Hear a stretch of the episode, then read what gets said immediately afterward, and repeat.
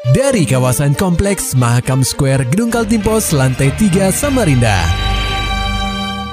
96,8 KPFM Kita akan ikuti program KP Flash News.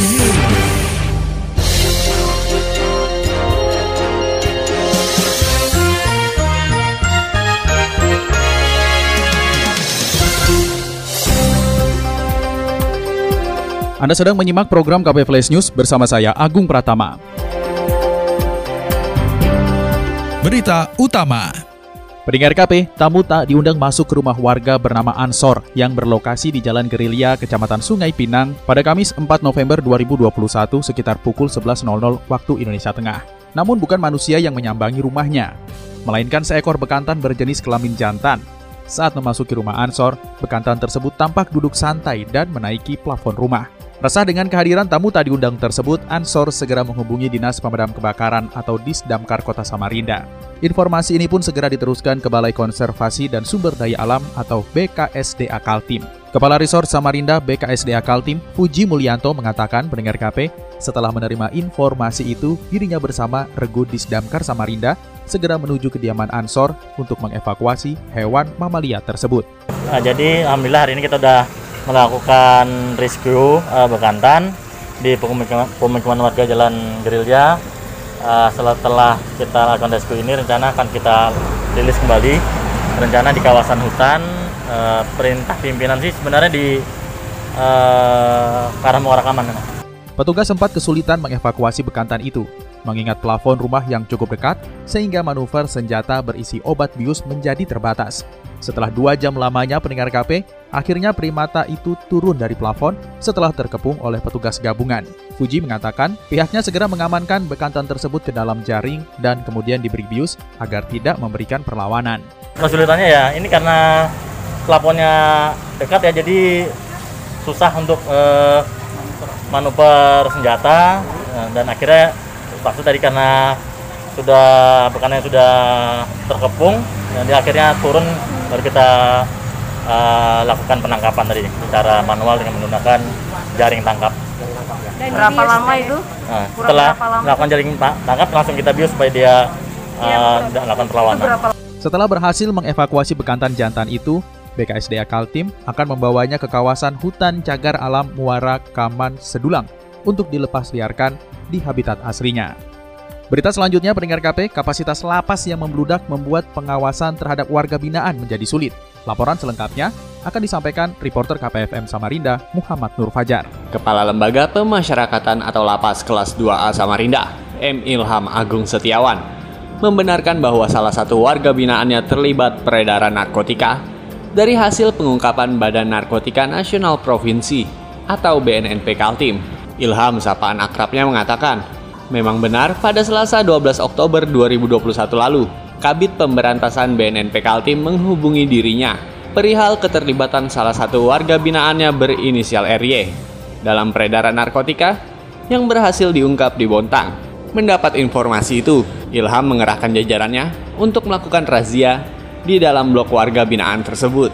Tidak sampai satu jam melakukan penggeledahan, petugas lapas berhasil menemukan handphone yang digunakan RY untuk berkomunikasi dengan sang adik yang lebih dulu diamankan oleh BNNP Kaltim di Bontang beserta barang bukti 4 paket sabu-sabu seberat 361,4 gram bruto. Ilham menjelaskan, RY merupakan warga binaan yang baru pindah dan menghuni lapas kelas 2 Samarinda sejak satu bulan lalu. Sebelumnya, pria tersebut menjalani hukuman di lapas Bontang atas kasus yang sama yakni narkotika. Arif Prianto itu pindahan dari lapas Bontang. Hmm. Uh, memang kasusnya juga narkoba dari sana. Ya kurang lebih satu bulan lah di dalam lapas. satu bulan? Ya, karena pindahan baru dari lapas Bontang. Pengedar juga memang dan kami pengedar tidak tahu, tapi kalau pasalnya iya, apakah karena kan? Ya, kenapa dipindahin pak dari Bontang ke? Um, pemindahan. Oh, yang pemindahan kan, 18 orang itu bukan? Ya, pemindahan dari Bontang itu secara spesifik kami tidak paham apa dipindahkan karena pemindahan itu kan ada alasan pengamanan dan alasan pembinaan. Hmm. Nah terkait itu mungkin yang tahu persis nanti kalau pas Bontang kalau apa di nah, kalau kami kan menerima. Berdasarkan pemeriksaan secara internal, Ilham membeberkan bahwa RY memperoleh handphone dengan cara membeli dari warga binaan yang telah menghirup udara segar. Sebenarnya, razia untuk barang-barang ilegal di dalam lapas sudah sering kali dilakukan. Namun, imbas dari membludaknya kapasitas warga binaan di dalam lapas, serta minimnya sumber daya manusia atau SDM, membuat pengawasannya menjadi lebih sulit. Ditemukan di mana Pak? Di sel di dalam selnya di, Di dalam blok bang, di dalam blok mohon izin saya sampaikan, blok kami itu kan tingkat, Hmm. Tingkat tiga. Hmm. Jadi memang itu harus betul-betul pada saat penggeledahan itu betul-betul harus pelan-pelan dan memang harus betul-betul apa ya eh, jeli. Teli-teli. Kalau nggak jeli ya masalahnya kan kayu. Abang bisa lah ini ruangan ini di tingkat tiga bang. Jadi tidur paling atas itu sudah bisa di plafon. Jadi bisa saja di atas plafon itu juga dia nyisip-nyisipkan. Jadi memang Ada tempat-tempat. karena memang itulah ketika kita melihat kapasitas 200 diisi 800 sekian hampir 900 bagaimana? Sekarang 827 kan. Ini nggak lama pindahan dari Tenggarong sudah mau muncul lagi. Mau ngomong apa kita? over kapasitas. Yang masalahnya itu sehingga pengawasan pun juga sulit kan karena tidur udah tumpuk-tumpukan. Kalau tidak kita buat begitu orang nggak bisa tidur. Nanti dari HAM kita juga kena. Lebih lanjut, Ilham menyebut bahwa kasus ini akan menjadi bahan evaluasi dari lapas kelas 2A Samarinda. Untuk sementara, pihaknya juga telah memindahkan Erie ke sel pengasingan sampai proses hukum yang dijalaninya selesai dan suasana lapas kondusif pasca terungkapnya kasus ini. KPFM Samarinda, Muhammad Fajar melaporkan. Sementara itu pendengar KP, DPRD Kaltim resmi memutuskan pergantian ketua dalam paripurna. Fraksi Gerindra pilih walkout. Laporannya disampaikan reporter KPFM Samarinda, Maulani Al-Amin. DPRD Kaltim resmi memutuskan pergantian ketua dalam rapat paripurna ke-25. Rapat itu berlangsung di gedung DPRD Kaltim Jalan Teku Umar, Samarinda, Selasa 2 November 2021. Lembaga perwakilan rakyat itu menetapkan posisi ketua DPRD Kaltim yang dijabat Makmur HAPK digantikan oleh Hasanuddin Masud. Penetapan pergantian ketua ini memunculkan aksi protes dari fraksi Gerindra.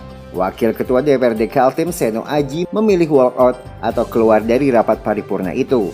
Seno, yang merupakan sekretaris Gerindra Kaltim itu menganggap semua fraksi selain Gerindra melanggar undang-undang partai politik. Bahkan ia bersama fraksi Gerindra tidak akan bertanggung jawab jika ada masalah di kemudian hari, sembari menunggu proses putusan di Pengadilan Negeri Samarinda. memberikan argumentasi kita bahwa kelembagaan ini juga marwahnya berdasarkan hukum, tidak semata-mata berdasarkan politik saja. Nah, jadi kalau hukum secara undang-undang partai politik, kita juga harus menghargai eh, kedua sisi, baik menghargai walaupun itu internal partai lain, tapi kalau sudah masuk ke lembaga, maka kita wajib hukumnya menghargai seluruhnya, baik sisi Pak Makmur maupun sisi fraksi. Nah, kalau memang salah satunya masih bersengketa, ya maka kita harus sabar, kita harus eh, mendudukan masalah ini dengan benar.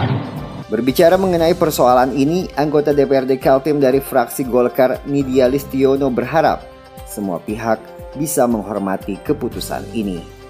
Eh, sekali lagi karena inilah adalah lembaga, maka semua anggota kan bisa apa namanya berhak menyuarakan. Kalau bicara eh, saya tidak bicara partai ya, tapi kemarin kan ada yang pro ada yang kontra. Tetapi kan dari dari hasil rapat sudah jelas eh, paripurna kemarin bahwa itu sudah dibacakan dan sudah menjadi keputusan eh, DPRD. Kira-kira. Ya kita hormatilah bersama-sama kita hormati prosesnya. Kita juga hormati proses hukumnya kan juga kita hormatin ya. Nah, kita sama jadi sama-sama eh, menghormati proses hukumnya. Adapun mengenai dugaan gratifikasi pergantian ketua DPRD Kaltim dibantah pria yang akrab disapa Tio itu. Menurutnya pihaknya telah mengkomunikasikan ke semua anggota DPRD Kaltim bahwa Golkar ada surat dari DPP Golkar terkait pergantian alat kelengkapan dewan atau AKD posisi ketua DPRD Kaltim. KPFM Samarinda, Maulani Al-Amin melaporkan. Beralih ke berita ekonomi, pendengar KP Bank Indonesia melaporkan inflasi Kaltim pada periode Oktober 2021. Indeks harga konsumen atau IHK Kaltim dalam periode ini disebut mengalami inflasi sebanyak 0,04 persen secara bulanan. Kepala Kantor Perwakilan Bank Indonesia Provinsi Kaltim, Tutuk SH Cahyono mengatakan angka inflasi ini lebih rendah dibandingkan bulan sebelumnya yang tercatat sebesar 0,15 persen. Menilik inflasi Kaltim secara tahunan, Kaltim mengalami inflasi sebesar 1,91 persen, sementara secara tahun kalender tercatat sebanyak 1,28 persen. Berdasarkan kelompok pengeluarannya pendengar KP, rendahnya inflasi pada bulan Oktober 2021 utamanya bersumber dari deflasi pada kelompok makanan, minuman, dan tembakau, serta kelompok pakaian dan alas kaki, setelah pada bulan sebelumnya mengalami inflasi dan juga berlanjutnya deflasi pada kelompok transportasi. Saat ini menurut arahan Bapak Presiden Jokowi turut menerapkan Kemenko Menteri Komendan kemarin itu hadir di sini bahwa implementasi daerah tidak hanya bicara inflasi, tapi kita juga bicara mengenai bagaimana kita mengembangkan perekonomian, kapasitas ekonomi. Di dalam jangka pendek ini, yang kita harus lakukan karena pandemi adalah kita melakukan percepatan ekonomi. Dalam keterangan tersebut, pendengar KP tutup menerangkan komoditas hortikultura menjadi penyumbang utama deflasi pada kelompok makanan, minuman, dan tembakau, seiring dengan pasokan yang kembali berlimpah. Maulani Alamin, Muhammad Nur Fajar, KPFM Samarinda. Serta dapatkan berita-berita selengkapnya di www.968kpfm.co.id. Demikian tadi telah kita simak rangkaian berita-berita yang terangkum dalam program KP Flash News. Persembahan dari 96,8 KPFM. Terima kasih dan sampai jumpa.